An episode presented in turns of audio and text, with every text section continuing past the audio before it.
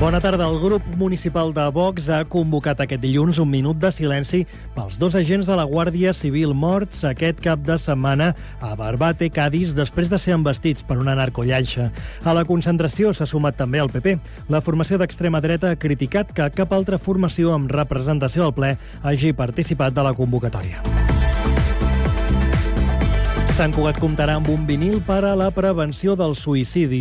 L'acció forma part d'una campanya impulsada pel Departament de Salut i que s'estendrà en un total de 90 municipis catalans. Els vinils amb missatges per conscienciar sobre el suïcidi i prevenir-lo simbolitzen un forat negre o pou en el qual es poden trobar les persones amb conductes suïcides. Els missatges animen a demanar ajuda i insten a trucar al telèfon 061.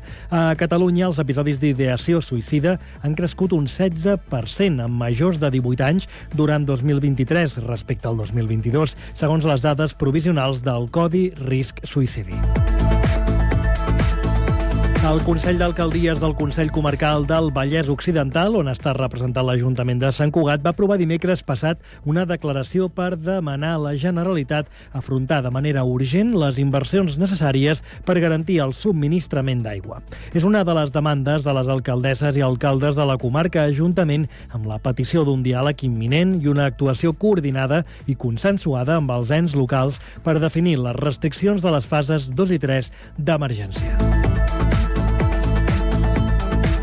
36 finalistes opten a guanyar la 23a edició dels Premis Esport en Marxa que organitza Cugat Mèdia i que s'entregaran en una gala conduïda per la periodista Gemma Montero i que tindrà lloc el 27 de febrer a dos quarts de vuit del vespre al Teatre Auditori. Els finalistes s'han donat a conèixer aquest dilluns en un acte al PAF 1 de la Rambla del Celler. De les gairebé 50 candidatures, el jurat ha decidit que 36 siguin les que lluitin per assolir els guardons de les 10 categories existents.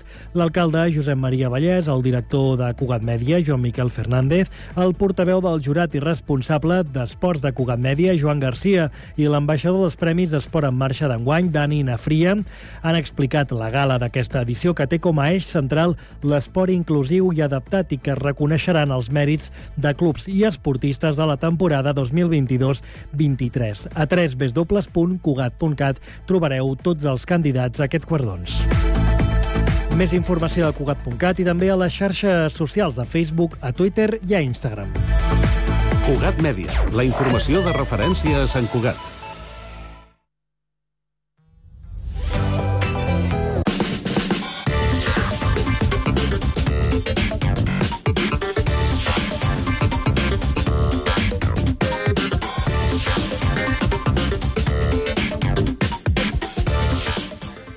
Cinc de la tarda, 3 minuts, inici de la segona i última hora d'aquest Connectats de dilluns. Informació de servei, comencem pel trànsit. Mireia Camats, bona tarda. Hola, bona tarda. En aquests moments estan tallades per manifestacions la 2 a Soses, la 22 entre Almacelles i Lleida i la C14 entre Ciutadilla i Verdú. A més, es fan marxes lentes la LP 7041 entre Aitona i Serós i també l'antiga Nacional 2 d'Alcarràs a Soses. A banda d'això, d'altres problemes, la T7 i retencions a Barberà en sentit sud, a la B30 o a Barberà en tots dos sentits. A la C58 i a la C33 hi ha retencions de Montcada a Barcelona en sentit sud, a la C17 i a Coaigua Freda en sentit Barcelona per obres. A Barcelona, a la ronda de la B20 hi ha retencions entre Esplugues i la Vall d'Hebron en sentit Besòs i a la ronda litoral la B10 hi ha cua de zona franca al port i a Bon Pastor en sentit Besòs. És tot des del Servei Català de Trànsit. Bona tarda. Gràcies i bona tarda. Anem ara al Transmet per saber com està funcionant el transport públic. Héctor Molina, bona tarda. Doncs avui dilluns comencem la setmana parlant de normalitat a la xarxa de transport públic de l'àrea metropolitana. Tots els serveis funcionen segons els horaris i les freqüències de pas planificades. De moment, això és tot des del Transmet. El Connectats del Dia Mundial de la Ràdio se'n va a Castellar del Vallès. Dimecres 14 de febrer, especial Connectats en directe, amb convidats radiofònics i música i públic en directe. Celebra el centenari de la ràdio amb nosaltres i segueix-nos per qualsevol de les emissores del Connectats. Ràdio Castellà, 90.1 de la FM. El Prat Ràdio, 91.6 de la FM. Ràdio Ciutat de Badalona, 94.4 de la FM. Ràdio Sabadell, 94.6 de la FM. Ràdio Municipal de Terrassa, el 95.2 de la FM. Ràdio Sant Cugat, Cugat Mèdia, 91.5 FM. 4 i 3 minuts. Comença el Connectats del Dia Mundial de la Ràdio.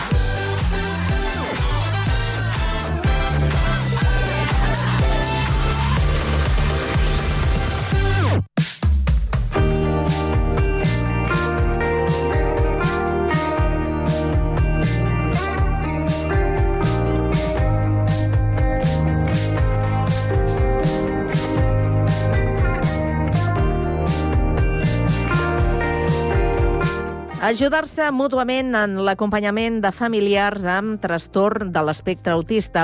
Aquest és l'objectiu de la recentment creada associació TEA Prat, una entitat que ha sorgit davant la inexistència d'associacions d'aquest tipus i arran de la voluntat de famílies que sovint s'han trobat soles i desinformades després d'un diagnòstic de TEA. Per conèixer en detall aquesta associació, marxem al Prat. Als estudis del Prat Ràdio es troba a punt ja la Isa Gonzalo. Bona tarda, Isa. Bona tarda. Doncs tot va sorgir a través d'un grup de WhatsApp i ara l'objectiu és ajudar les famílies a superar entrebancs com la tramitació d'ajuts, la manca de monitors i monitores d'activitats culturals i esportives en formació dient o la recerca de professionals de salut mental especialitzats en TEA. Per parlar-ne, avui ens trobem amb algunes de les seves membres. Tenim a la Mònica Pavón. Què tal, Mònica? Benvinguda. Hola. També ens acompanya la Imma Figueroa. Hola, Imma. Hola. La Sheila Maya. Què tal, Sheila? Hola. I la Sònia Díaz. Hola, Sònia. Doncs eh, comencem per explicar eh, per què vau decidir muntar una entitat per divulgar, per acompanyar les famílies que doncs, eh, tenen alguna persona, canalla o no tan canalla, amb el trastorn de l'espectre autista. Bueno, principalmente porque aquí en el Prat de Lobregat no hay ninguna entidad, entonces eh, cuando tienes el diagnóstico de trastorno de espectro autista te encuentras un poco solo, eh, no sabes bien a dónde te tienes que dirigir o por dónde empezar. Entonces un poco lo que hemos decidido es organizarnos poco a poco. Hemos empezado con un grupo de WhatsApp en donde todas colaboramos un poquito con información que tenemos, porque a veces no sabemos dónde hay que recurrir, a qué organismos hay que ir. Eh, y bueno, mm, poco a poco empezó la idea de crear la asociación Tía Prat, ¿no?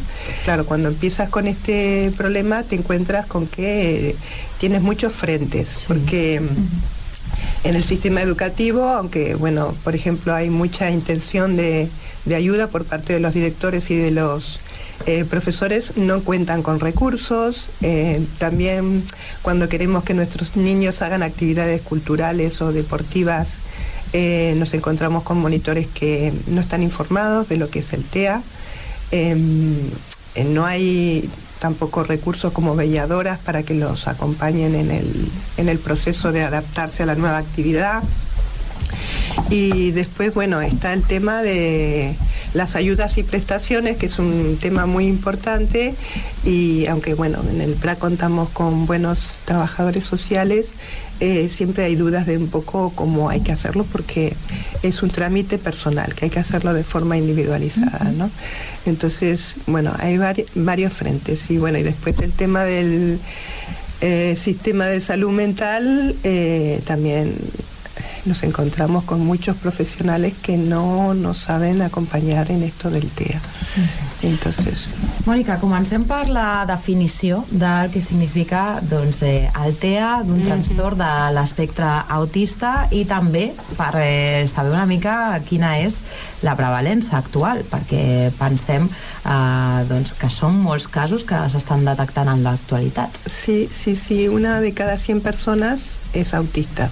En la actualidad aquí en España hay 450.000 personas que están diagnosticadas con autismo y mucha gente que queda de la época que son mayores sí. pero que también están dentro del espectro autista y que no están diagnosticados ¿no? Eh, la discapacidad siempre se nombró como un, como autismo, pero desde hace unos años aquí se habla de un trastorno del espectro autista porque eh, son personas que presentan ciertos trastornos, ¿no? Por ejemplo, mi hijo tiene trastorno del habla, uh -huh. eh, trastorno de la alimentación por un problema de hipersensibilidad y tiene trastorno del sueño. Entonces, eh, es un espectro porque, bueno, hay gente que tiene esta discapacidad de forma muy leve y hay gente que la tiene de una manera más aguda. Ara mateix, eh, com és la detecció eh, de que el teu nen o nena doncs, eh, de cop i volta et trobes amb un diagnòstic de, de l'espectre autista? Mm, bueno, eh, nosotros eh, por lo general eh, detectamos que hay eh, cierto retraso en el aprendizaje de ciertas cosas. Por ejemplo, mi hijo tardó en aprender a caminar, tardó muchísimo en aprender a hablar.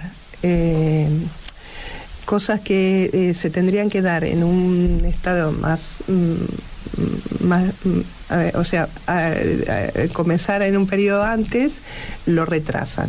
Entonces, en el caso mío, por ejemplo, en la misma guardería me derivaron a que vaya al pediatra y el pediatra me derivó al CEDIAP, que es el centro de eso de para atención temprana en salud mental a los niños y y bueno, y ahí comienzas el, el proceso con el psicólogo, que, que, bueno, ellos van analizando un poco la conducta del niño y detectando estos trastornos que supuestamente ya están identificados en un manual de psicología y así se, se determina si es un niño autista o no. I aquí comença una lluita eterna eh, des de Mm. tots els punts de vista, com tu deies, que suposo que ni us imaginàveu, no? Sí.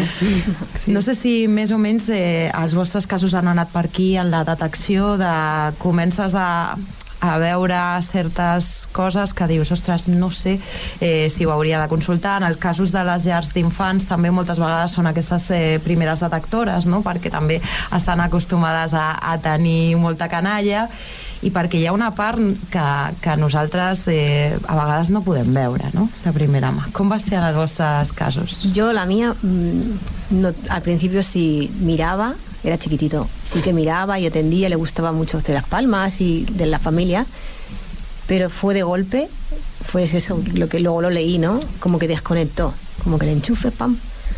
Y ya yo decía, algo le pasa, algo le pasa. Su padre decía, esto son tus cosas, son tus cosas. Fui al pediatra, me decía, tienes la niña, no la puedes comparar. Y yo le decía, no la comparo, pero hay algo, algo. Y nadie fui, fui pesada y nada, y me fui a otro médico me dijo, mm, al CEDIAP, que te mando para el CEDIAP. Y de ahí ya, y luego sí. Amb quina edat eh, ara mateix s'està detectant? Eh, actualmente están dando el diagnóstico a partir de los 5 años, más o menos. Pero mm, bueno, cada vez se da, con, se da antes, ¿no? Pero bueno, el problema que tenemos que es, es una discapacidad invisible, que es una discapacidad mental, mm, neurobiológica, eh, que a simple vista no se ve. Entonces, claro, em, tienen ciertas características comunes que los hacen que sean que estén dentro del trastorno de espectro autista, pero son muy diferentes. Son muy diferentes.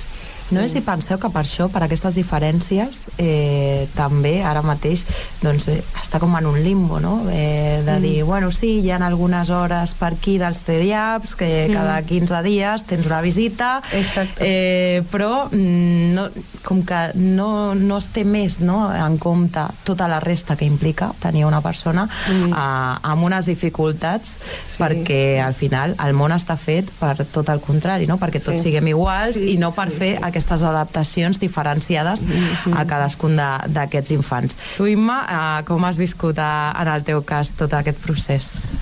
Yo la verdad es que del colegio no me puedo quejar, eh, me, me han tratado súper bien. Es verdad que mi hijo tiene una plaza CA, que se dice, eh, y el CA mm, es compartido con todos los niños, que a lo mejor tiene dos horas en toda la semana de eso, pero el colegio eh, ha puesto, su- la profesora es eh, especializada en necesidades especiales la tutora, la del A y la del B, o sea que las dos son, son de necesidades especiales, saben perfectamente, han trabajado con niños TEA y, y entonces eh, lo llevan súper bien no tengo ninguna queja con el colegio. Siempre han hecho todo lo posible. Mi niño tiene hiperreactividad acústica que con los sonidos compraron unos auriculares y los lleva todo el día puestos.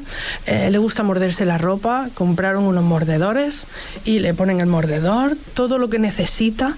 No hablaba, mm, un libro electrónico, con, me ponían fotos del cole, hacían que él lo grabara. Al principio lo grababa la profesora, cuando empezó a hablar, lo grababa él, de lo que había hecho toda la semana. Així que en el col·le no me puedo quejar.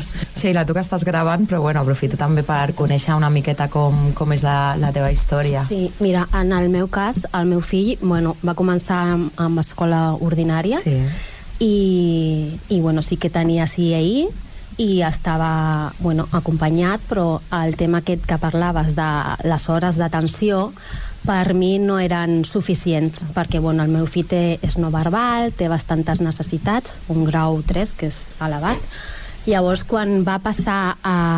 tocava passar a primer, vaig decidir de posar-ho a escola eh, especial per, per aquest tema, no? Perquè, o sigui, jo se'm feia un, un món de pensar que estaria X hores a la classe on els nens ja han d'estar sentats fent anglès, matemàtiques, coses que amb ell no li, no li fan servir per res, perquè clar, ella o sigui, el veia com molt eh, curricularment molt, molt aïllat el que ell necessita fer del que es fa a l'escola sí, ordinària.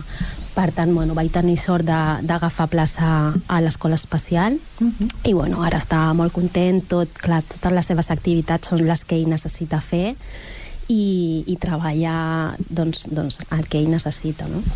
Hem parlat de, dels vostres nens, eh, dels vostres infants. Com és eh, per vosaltres eh, endinsar-vos en aquest món de, de lluita permanent? Com ha estat a nivell psicològic? Quin tipus de suport heu tingut o fins i tot de comprensió perquè moltes vegades eh, des de les pròpies amistats eh, a vegades vius la maternitat doncs al, al mateix moment, no? però no és la mateixa maternitat, amb la qual cosa se senten moltes vegades aquests buits, no? aquesta solitud de, de l'autisme, de, del que hi ha darrere d'una persona amb aquest trastorn. Sí, sí, sí. Nosotros, eh, bueno, a través del grupo de WhatsApp, eh, la verdad que creo que tenemos mucho apoyo, eh, no nos sentimos tan solas. Eh, la gente comenta todo lo cosas que le pasan eh, de forma diaria. Y también tenemos previsto en la asociación crear un grupo de mm, contención para padres. Porque claro cuando recibes el diagnóstico eh, es muy duro para todos. Es muy duro para todos porque no sabes qué evolución va a tener nadie te lo puede decir ni siquiera un muy buen profesional. Em, entonces eh, te sientes te sientes realmente mal y bueno, es eso, ¿no? Ir superándolo cada día y a veces es muy difícil. Entonces tenemos previsto, a ver si conseguimos un voluntario que venga a ayudarnos a hacer un poco de contención psicológica, porque bueno, en mayor o menor medida todos terminamos siendo medicados por una fuerte depresión o por... En mi caso yo tuve problemas de sueño porque mi hijo no dormía bien por la noche. Entonces todos tenemos algún algún problemilla ¿no? de, a nivel psicológico que nos, que nos afecta. Sí, pues sí. que al final es passa per un dol. Clar, no? exacte. Un dol sí, de les duel. teves expectatives com a mare, mm, de, del exacte. que tu projectes. I és veritat, clar, clar, això, quan eh, no serà així, eh, mm. ho has de transitar i, y moltes vegades sense gaire comprensió. Claro, sí, sí, sí, porque claro, tú, por ejemplo, yo en mi caso, la familia me, me decía, bueno, Y yo digo, pero es que el niño no, no camina. Bueno, ya caminará. Y dice, bueno, camina por ahí con dos años, dos años y medio. Eh, bueno, puede ser cosas mías, pero bueno, no habla. Ya hablará, pero bueno, es que tiene cinco años y todavía no dice ni una palabra. Entonces, eh, siempre como que no te sientes muy comprendida por el uh -huh. resto, ¿no? Porque, claro, siempre es como que son percepciones tuyas. Quan arriba el diagnòstic, en aquest sentit, eh, per una part és un gerro d'aigua freda, no? però per una altra també és l'explicació a, a molts dels neguits previs, no? I fins i tot mm. no sé si una mica ho heu viscut com una demostració, no?, de que estàveu plantejant és així i ho ha certificat no? eh, una persona amb totes les eh, mancances que té també no, aquest mm -hmm. procés, però sí que és veritat que a partir d'aquí, com que canvia també una etapa i es mm. comença a començar cap a un horitzó, no? que serà més o menys dur, però amb un camí cap endavant.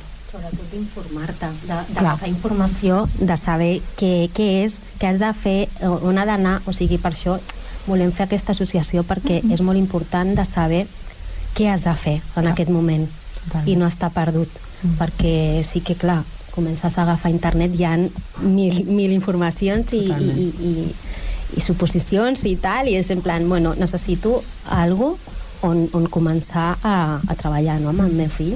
On us podem seguir? Perquè sí que teniu xarxes socials i és un bon punt no, per contactar amb vosaltres, per dir, mm. mira, eh, estic en la mateixa situació, puc aportar això o eh, necessito també d'aquest suport mutu.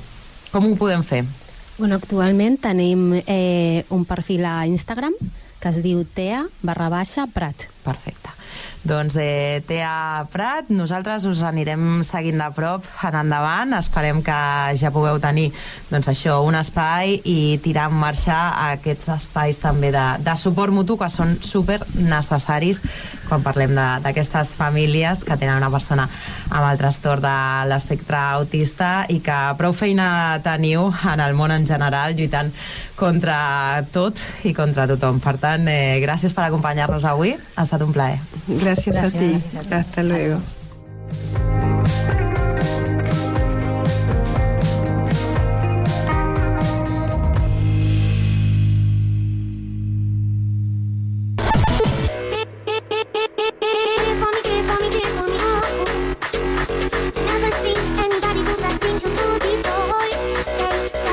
Connectats, una experiència radiofònica a Sabadell, Terrassa, Sant Cugat, El Prat, Castellà i Badalona.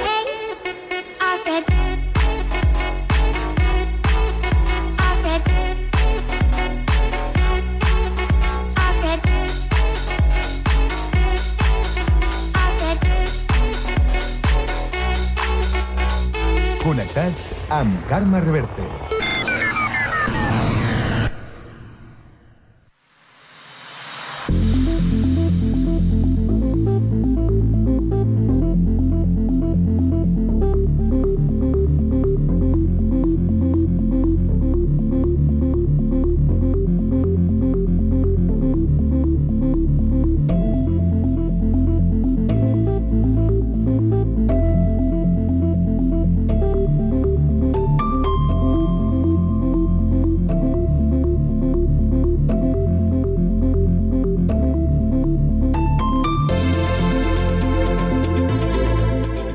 La secció de ciència d'avui rebem una vegada més la Núria Salant, la presidenta de la Societat de Tecnologia de Catalunya, que ens parlarà de microplàstics i d'algunes informacions que sembla que no s'ajusten a la realitat. Núria, bona tarda. Hola, molt bona tarda, què tal? Com esteu? Doncs avui parlem d'un tema que no l'hem tractat poques vegades en aquest eh, espai, en aquest eh, programa, a veure si podem afegir informació nova al respecte d'aquest eh, món. Eh, comencem per eh, la definició que ens podries fer sobre els plàstics, els microplàstics, els eh, pèl·lets, tot, tot, tot aquest eh, món. Què et sembla? Mira, això hi havia un, un filòsof francès que era de Bruyère que deia definiu i no disputareu. Llavors, si parlem del mateix, es discuteix molt menys. Molt bé, doncs, mireu, un plàstic és un material polimèric que té una sèrie d'additius. Normalment a, a, parlem de polímers i de plàstics com amb cosa molt... com si fos el mateix, no és exactament el mateix, però plàstic és com la manera col·loquial de definir un material polímer. Un material polímer està fet per unes macromolècules, unes molècules molt, molt grans, que tenen una unitat orgànica, normalment orgànica, amb, amb, amb carboni, hidrogen i altres elements, i aquesta unitat es repeteix moltes vegades, i d'aquí ve el polimer, moltes unitats, no? Vale, doncs això és un polímer. I un polímer pot tenir eh, molècules que si les poséssim estirades podrien tenir algun quilòmetre, eh? El que passa que després, per per misteris de la ciència, no misteris, per, per meravelles de la ciència, mm. aquestes molècules queden fetes com un capdell i doncs ha voltat molt poquet i, i tenim el plàstic que no, que no necessàriament ocupa quilòmetres a les nostres mans. Vale, doncs els plàstics han tingut una acceptació eh, bona, després van estar com criminalitzats, ara estem en situacions... Són uns materials molt macos, perquè són lleugers i són vistosos i han solucionat problemes, sobretot en temes de lleuger i pes, quan un metall doncs, sempre pesa molt més que un plàstic. Un plàstic és lleuger, tenen densitats eh, eh, entre l'1 i, entre 1 i 3. Vull dir, comptant que 1 és la de l'aigua, hi ha plàstics que tenen menys de 1 i floten en aigua, sobrarien, i alguns que tenen doncs, una miqueta més. Però vaja, són sempre més lleugers que els metalls, i això els fa molt atractius, d'acord? I llavors, mm. a més, poden tenir colors i són molt resistents al, molt inerts. Eh, el problema també és que en terra és un plàstic i te'l trobaràs pràcticament sense d'aquí a molt de temps, etc. I aquí ha estat on es van començar a criminalitzar. Oh, que els, els residus... Si tenim residus plàstics no és culpa dels plàstics, és culpa nostra que no, no ho separem adequadament o que hem decidit que és més barat fer plàstic nou a partir de petroli que no agafar tots els residus que tenim, eh, desfer la polimerització, ha processos de piròlisi que permetrien tornar enrere a les matèries primeres gairebé, però sempre són més cars. Per tant, per un tema de que la prioritzen els temes econòmics, eh, emmagatzemem uns, unes grans quantitats de residus de polímer que podrien utilitzar-se en algun moment gairebé com combustible, perquè la capacitat calorífica ben fet, ben fet, vull dir, fent un procés de, d'agafar tota l'energia que hi ha en els enllaços seria eh, gairebé una font d'energia inabastable. ¿vale? El que passa Llavors, és que, Núria, uh, resulta digues. que uh, ens hem envoltat de tant, tant, tant, tant de plàstic que ara amb les Clar. noves normatives eh, eh, estem obligats a, a, a desfer-nos-en de, de tot això d'alguna manera i el problema és precisament aquest, eh, aquesta part final del procés, no? Ah, exacte, però clar, el problema és que amb un mateix contenidor hi va tot tipus de plàstic. Hi ha plàstics que tenen un número 1 o un número 2 i aquests plàstics són molt més fàcilment reciclables que els que tenen un altre número més elevat. Mm. No dic que siguin pitjors, sinó que la capacitat de reciclabilitat no és la mateixa. Llavors, aquí nosaltres tenim un contenidor groc que és una mena de calaix de sastre. Sí. I allà barregem plàstics, llaunes, tetrabrics, que és, això és un despropòsit. En vasos? Perquè són residus en vasos, exacte, però són residus que haurien de tenir una gestió molt diferenciada, però no ho farem pas. Igual que el de vidre, no posem en un contenidor un forat pel vidre blanc, un forat pel vidre blau, un forat pel vidre verd i un forat pel vidre caramel, que és el que hauria de ser. Mm. Vale? Però no ho farem, i com que no ho farem, doncs au, calaix de sastre i ja després arriben els camions que ho barregen tots, perquè aquesta és una altra, tu, tu vas allà amb les quatre bosses i ho llences separadament i alguna vegada veus que arriba un camió i se'n buida tots els contenidors al mateix, al mateix recipient i ja hi va tota la deixalleria i s'ha acabat. Però això no ens ho expliquen i algú que m'escolti dirà no, aquesta dona menteix. Bueno, doncs, doncs ja està, això anirà per gustos. Vull dir, hi ha coses que no es fem bé i, i ja està, però no és aquest el tema. El tema és que els microplàstics, quan un plàstic es descomposa, perquè es poden descomposar, eh, vam vam trobar una manera de fer plàstics que deien bio, biodegradables, sí. que eren uns plàstics que tenien un additiu de midó de blat de moro, i llavors el midó de blat de moro sí que és un, una, una part que biodegradable, i llavors el que passa és que convertíem la macromolècula en moltes molècules petites. I com que no les veiem, deien, han desaparegut. No, no han desaparegut. Estan allà, només no les veiem. Uh -huh. I llavors aquestes molècules o aquestes petites parts estan a l'aigua, els peixos les, se les mengen, nosaltres mateixos, si traguem, si en passem aigua de mar, ens en passaríem, però no ho processem, vull dir, segurament, eh, si en passem a microplàstics, nosaltres es barreja amb la resta de residus que generarem a l'estómac i sortiran pel mateix lloc on sortirà la resta de, de residus nostres i com que tornaran al mar, doncs au, el mar acaba sent el destí final, no? Llavors, el, els microplàstics estan i a, aquesta sí, sí que serà una part que no ens aconseguirem desfer-ne. Quin és el problema dels microplàstics? Quan eh, són l'aliment o quan s'assemblen, per dir així, a l'aliment d'algunes espècies de mol·luscos o de, o de eh, closques, tipus... Sí, moluscos, ja ho he dit bé. No m'està sortint la paraula. Cretàs... Eh, Crustacis. Cretacis, crustacis, ara, oi, Mhm. gràcies, ara m'havia pescat jo amb el cretaci, crustacis. Doncs hi ha, hi ha espècies d'aquestes que mengen krill o algo semblant a krill i si engulleixen eh, microplàstics que tenen mides similars, sí que és un problema perquè no és el mateix a, a nivell alimentari i a nivell de processat. Llavors tenen problemes com que les closques no se'ls fan resistents, els llamàntols tenen un problema a l'hora de la reproducció, però això és una història divertida que un dia podem parlar de com es reprodueixen els, els llamàntols, que té la seva gràcia. vale? Uh, llavors, uh, ara quan aquests dies va haver aquest abocament de pèl·lets, Sí. jo em vaig... Em vaig riure, però és aquell, aquelles coses que t'agafen la risa per no plorar, quan veus que algú ensenyava peix dient venem peix lliure de pèl·lets i ensenyava un, eh, no sé si el llobarro, obert de dalt a baix, ensenyant que no hi havia pèl·lets a dintre. Home, i tant que no n'han bé, perquè quan t'ensenyen un peix al mercat ja li han tret els budells.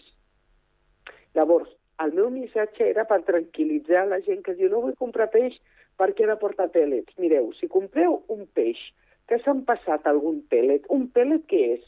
Un pèl·let és una bola de plàstic, una boleta, una perleta de plàstic. I si a mi m'arriba una boleta de plàstic a la boca i me l'empasso, com que el meu cos no l'aprofitarà i no la... Potser la destruiran els meus àcids una mica, però si no, la evacuaré. I ja està. I en igual. el cas dels Mhm. peixos, en el cas dels peixos acaben a l'estómac i si ho poden evacuar bé, i si no, els peixos tenen un problema. Però com que nosaltres els pescarem, dintre d'aquells budells que no aprofitem, aniran els possibles pèl·lets que tingui. M'estic explicant? Sí. Vull dir que en cap moment Sí, sí. arribaran a la nostra paella. Sí, sí. llevat de que sigui que tinguéssim un estrany costum de cuinar el peix amb tripes que no em resulta molt habitual. No és aconsellable, Sí tampoc. No és aconsellable i sé que llevat dels calamars de potera, Sí. els calamars de potera sí que te diuen que els pots posar tal qual i després una vegada cuits neteges les tripes, però ja ho estàs eliminant també. Llavors ara sí que seria el moment de dir, ep, vigilem si tenim aquest costum de cuinar peixos amb, amb budells, perquè si, si fos la remota possibilitat que hagués arribat un pèl·let aquest bitxo, estaria a les tripes, estaria al, al, al, al, al seu tracte digestiu o com, o com si se li diu als animals, que demano disculpes als biòlegs i biòlogues que m'estiguin escoltant que diran aquesta dona no sap de què parla. No, de peixos no en sé. Jo me'ls menjo, pobrets, però, però no en sé gaire de l'anatomia dels peixos. Per tant, Però no, no, no ens en hauríem els d'alarmar, no, Núria? En absolut, en absolut, en absolut. Uh -huh. I el, vull dir, el peix és, una, és un producte molt sa, i el, la por que tenim de que, oh, és que el peix té molt de mercuri, home, el peix té mercuri sí. depèn on l'hagin pescat, però si consumim peix d'origen conegut, i origen conegut és la Mediterrània, el peix de la Mediterrània no té mercuri. Els peixos amb mercuri són els peixos que s'han pescat en zones on hi ha activitat volcànica. I llavors són aquestes zones que no són aconsellades de pescar. Ara, si tu compres peix que l'ha comprat algú una mica pirata o que l'ha pescat alguna mica pirata en aquella zona i tu, i tu en casqueta, doncs vale. Però llavors és, si consumim producte d'origen conegut, no hauria de ser problema. I el Mhm. peix de la Mediterrània és un peix molt sa, és un peix molt bo, és un peix de qualitat, sense mercuri i, quan arribi a les nostres mans, sense pèl·lets. Núria, Era això el missatge. molt bé. Deixa'm que per acabar recordi que ahir va ser el Dia Internacional de la Dona i la nena a la ciència. I la nena a la ciència. I que sí. tu moltes vegades ens ho has eh, recordat i que és un terreny que s'ha d'adobar molt encara no per aconseguir arribar als estàndards que, que necessitaria la nostra societat. Eh, has previst alguna cosa per, per aquesta Doncs, edició? tant. Què vas fer? I tant, a veure, jo porto ja des de primers de febrer eh, donant resposta a totes aquelles peticions que rebo d'escoles, centres docents, centres cívics, empreses, entitats, que volen una xerrada inspiradora, una xerrada eh, per entendre per què fem aquestes campanyes, doncs amb molt de gust, amb molt de gust jo m'ofereixo a, a fer una xerrada, que res més lluny de la meva voluntat eh, és um, alliçonar ningú, sinó tot el contrari, sinó compartir la meva recerca i compartir els motius que em porten a fer aquestes campanyes de captació de talent jove. Mm.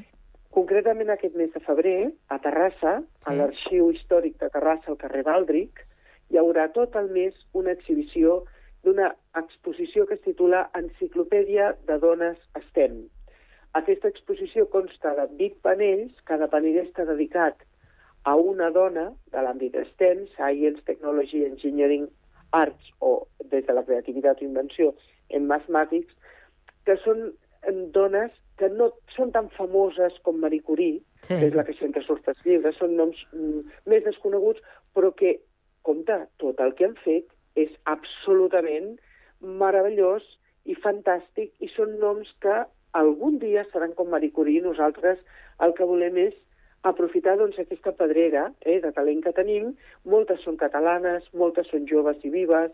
Per tant, oferim que conegueu els seus noms, que feu cerca, després quan sortireu direu, ostres, doncs aquesta m'ha sorprès. Doncs, jo què sé, l'Elisabet Prats, que treballa a Bellaterra i que treballa amb, amb micro, components de microelectrònica de grafè per restablir la motricitat a persones doncs, que han tingut algun tipus de lesió neuronal o cerebral i ara doncs, no poden caminar, no? O, o jo què sé, doncs, ara la Núria Montserrat o la, o la, la Teresa... Ai. La Teresa Vides, vull dir, la, la Mara Vidresen o la Gemma Marfany, que són persones que podríeu trobar, que podríeu trobar mm -hmm. uh, pel carrer, perquè fan una recerca puntera uh, han tingut el, un camí que pot haver estat més o menys fàcil, però l'han tirat endavant. Llavors són models i referents que Actuals. Uh, amb el que estan fent uh -huh. ens ajudaran a que la nostra vida sigui avui i en un futur molt millor. Clar Llavors, sí.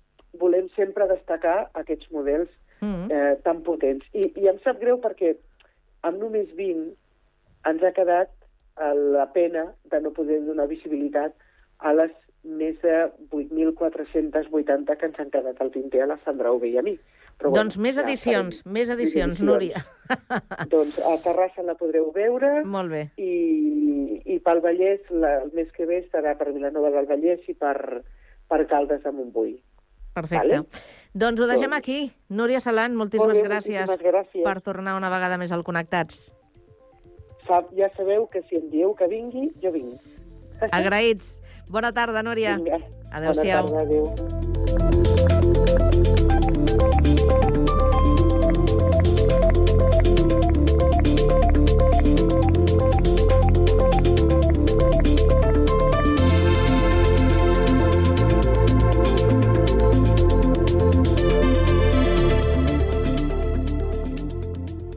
Sóc la Laia Bardella i últimament estic escoltant en bucle la cançó L'Alegria del musical L'alegria que passa. Bueno, en general, tot el disc, perquè m'encanta tot el disc, però la meva cançó preferida és L'Alegria. I, si no m'equivoco, és l'últim musical de creació que fan la companyia de Boi de Gom i com va flipar tant, doncs no puc parar d'escoltar tot el disc. Rebull l'eufòria d'aquell moment que tot allò torni a ser present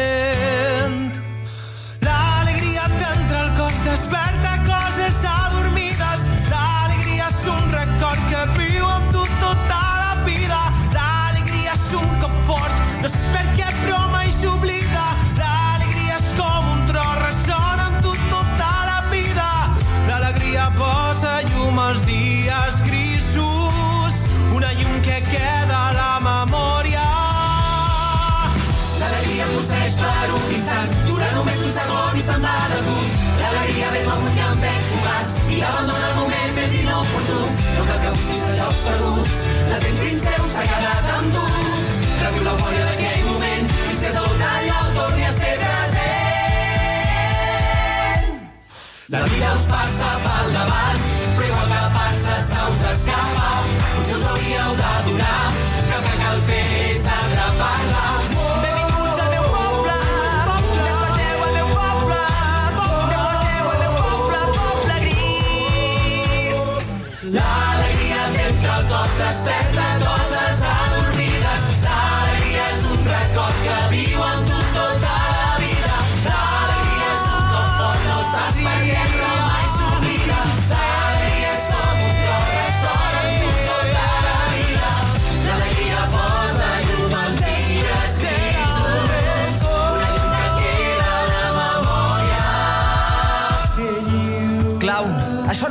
Funcionant. Comença a funcionar. Mira!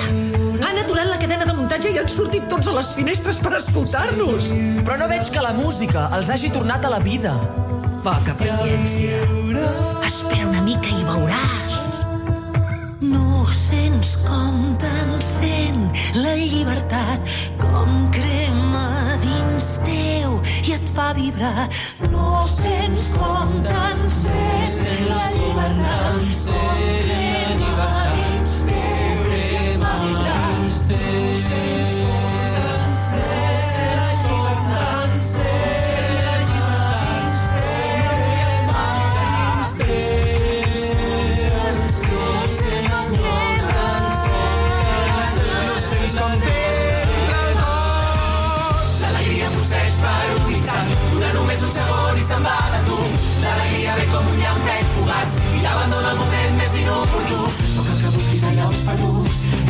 teu s'ha quedat amb tu.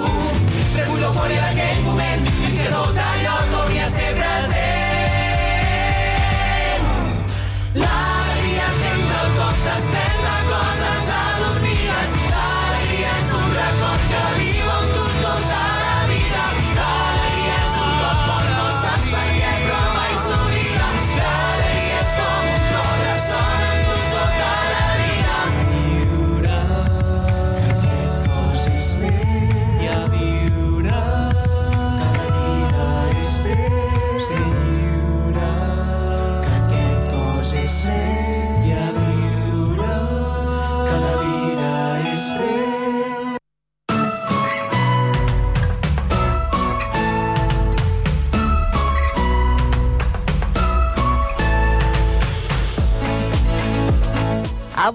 començat el Connectats a Castellà i l'acabarem en el mateix municipi, perquè ara ens n'anem fins a Ràdio Castellà. Allà hi tenim a dos membres del Club Cinema Castellà Vallès, el president de l'entitat, el Pere Joan Ventura, i el secretari Àlex eh, Portolès.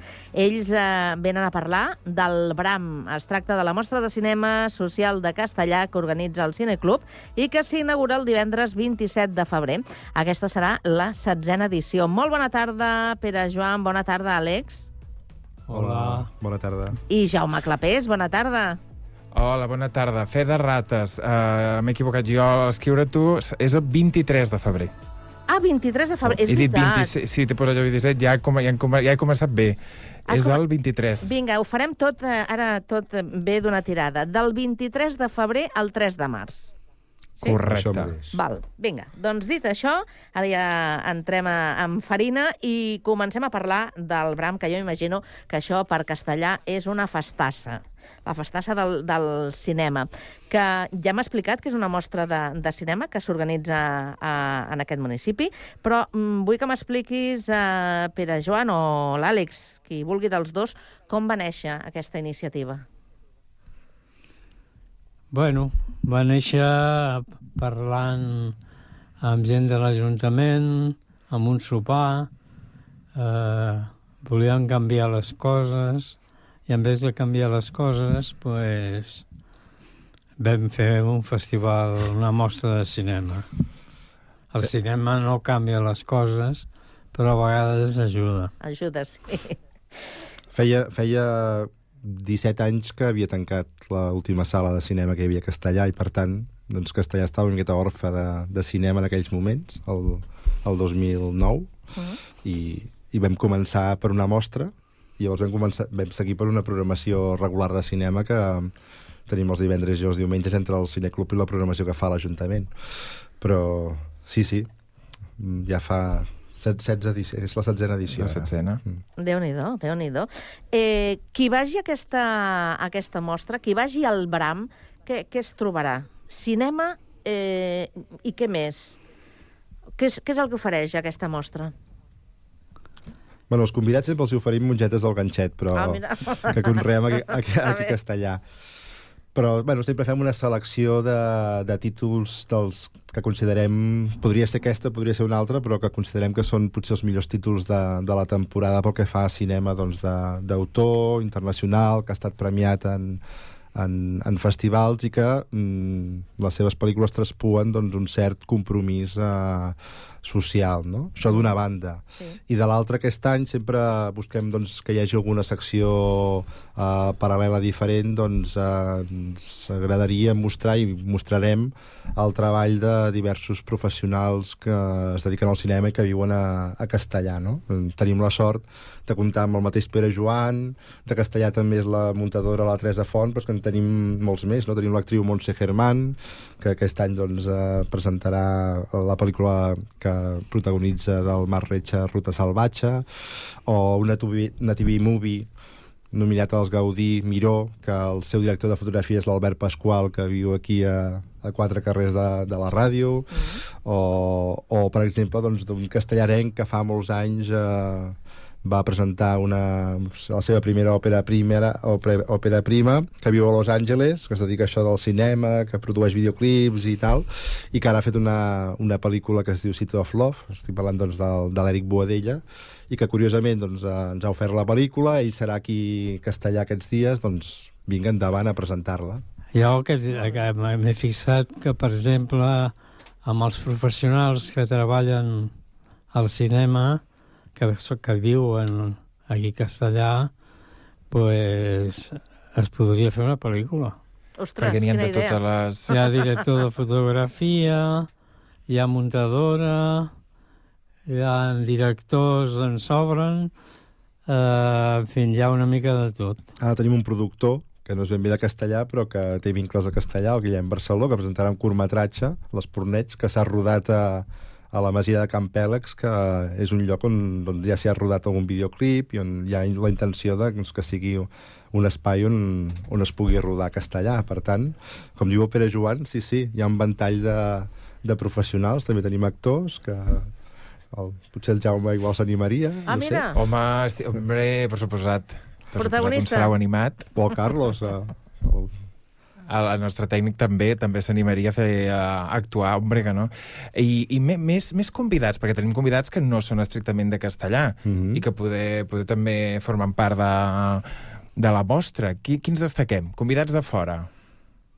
Bueno, la, presentem la pel·lícula inaugural que, que és de, feta per una dona que és, com es diu? Es la, Patricia, la Patricia Font, la directora del Mestre que va prometre el mar i sí, sí. hi ha una pel·lícula que ha funcionat molt i que, bueno, ha funcionat molt a nivell de públic. Però sí, sí, no ha guanyat sí. grans premis, que se sàpiga, de moment. El mateix, Però... el mateix Mar Retxa, no? Que... El, el Mar Retxa també estarà.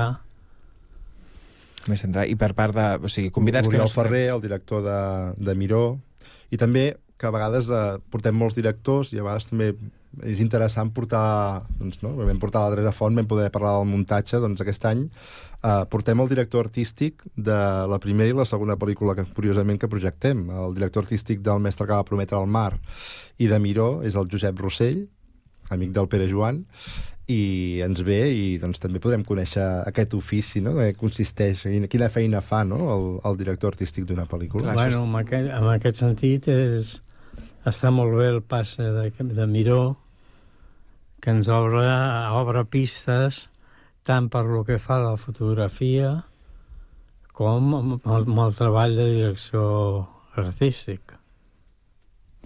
Sí, sí. I qui, quines més propostes tenim? Perquè crec que també col·laboreu molt amb entitats, o sigui, a part de les pròpies de la, del propi cineclub, sinó que col·labora amb altres entitats per fer créixer la mostra. Sí, per exemple, aquest any ens va arribar una proposta d'un grup de criança materna, les, les Som Tribu, d'aquí castellà, que ens van proposar eh, projectar eh, un documental que es titula Parir i que tracta tot el tema de la violència obstètrica. Un documental molt interessant, eh, dirigit per la Clàudia Reig, una directora de la Comunitat Valenciana, del País Valencià, que també intervindrà, intervindrà via videoconferència al, en el BRAM i que és una proposta que s'ha vist poc perquè s'ha pogut projectar amb, de forma puntual doncs, a Barcelona, a Madrid, a, diferents ciutats d'Espanya, de, però que no, no, no s'ha pogut uh, veure i que realment és uh, molt interessant. No?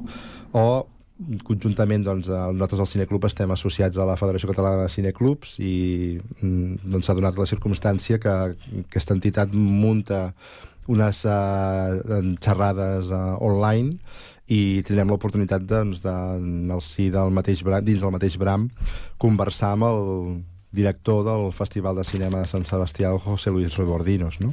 o l'aula d'extensió universitària, que també eh, ofereix una, una xerrada sempre els, cada dimarts els tenim aquí a l'auditori, els de l'aula, i sempre busquen doncs, una, una xerrada que pugui eh, dedicar-se doncs, o que es pugui centrar en el, en el tema del cinema i aquest any doncs, tindrem el, el Jordi Balló que ens parlarà dels arguments universals del cinema. No?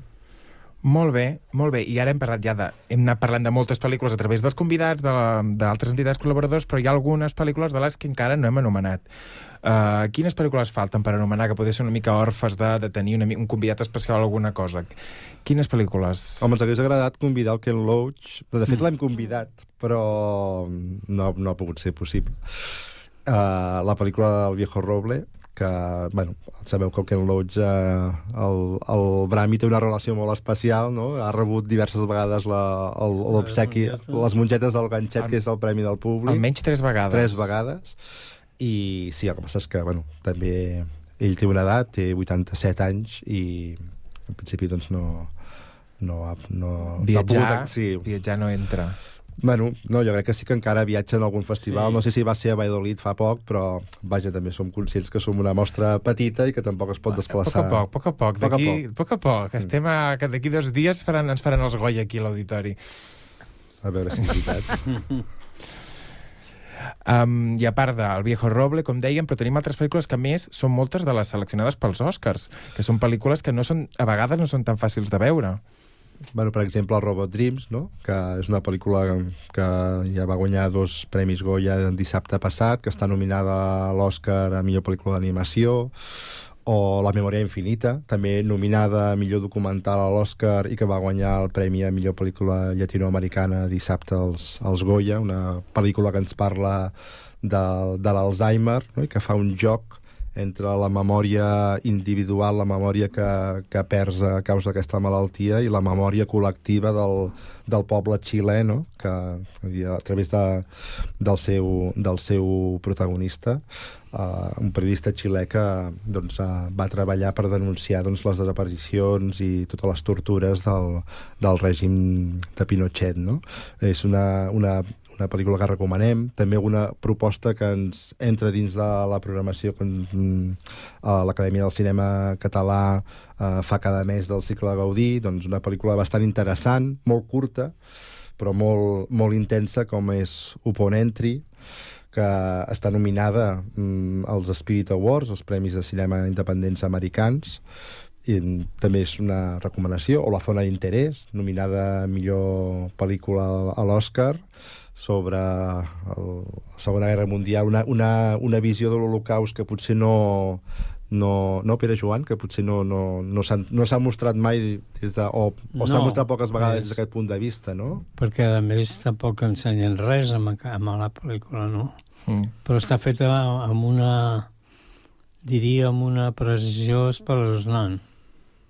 Eh, tu veus, és quasi preciosista, no? allò que veus una pel·lícula en què hi ha la vida quotidiana de la família d'un nazi i, i tot està molt precís. El jardí, tot... tot uh... És la descripció de la banalitat del mal, vaja. Mm -hmm. I potser el revers de la, de la llista de Schindler, no? O d'altres pel·lícules, o de l'Hijo mm. de. Saúl, que vam poder veure també en una edició anterior, que posen com l'ull allà dintre del camp de concentració, i aquesta pel revers, no? D'una manera igualment és el des de fora. Des de fora, exactament. I després hi ha, per mi hi ha tres pel·lícules que, no sé, potser t'aposten per una filosofia de, de vida una mica més, això que es diu més slow, més de, de vés a buscar les coses petites de, de la vida i seràs uh, feliç que jo mm, recomano molt especialment. Una és Fallen Lips, del Aki Kaurismäki, després Perfect Days, del Wim Wenders, que és una, una perla, una preciositat de pel·lícula, sobre un netejador de, de vàters a, a Tòquio i l'Estrella Azul sobre un músic que va retrobar-se a si mateix a, a Llatinoamèrica. Molt bé, doncs, doncs hem d'anar tancant. Jo crec que més o menys hem explicat amb, amb una mica la programació, la gent que entri a la pàgina web sí. de l'Auditori, que pot consultar tota la programació completa i comprar entrades. Quantes vegades hem inaugurat el programa amb dona? Aquesta dada ara, Ah, unes quantes, però... Per què? Dos, més de dos? Més de Segur. No, és que ara, ara bueno, ja- això és una... Jo et diria que és una tendència mundial en aquests moments, l'increment sí. de, de dones directores a tot el món. Sí, sí, tant els Gaudí com els aquí, Goya és- hi havia molt més dominat. No només aquí, no només a Europa, sinó que també als Estats Units, Xina, eh, la presència de la dona va creixent. Sí, s'estan igualant.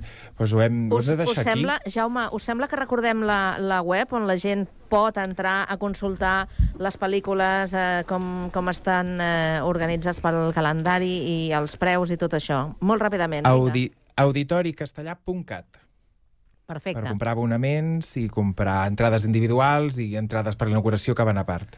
Molt bé, doncs el Pere Joan i l'Àlex eh, Portolès els hi agraïm moltíssim que hagin tornat al Connectats a explicar-nos aquesta nova edició del Bram. Que vagi molt bé. Llarga vida al cinema. Senyors, que Moltes, vagi... moltes gràcies. Bona tarda. Bona tarda. I aquí ho hem, de, ho hem de deixar. També tanquem el eh, Connectats d'aquest dilluns, esperant que demà ens hi acompanyeu a partir de les 4 i 3 minuts. Fins aleshores, acabeu de passar molt bona tarda.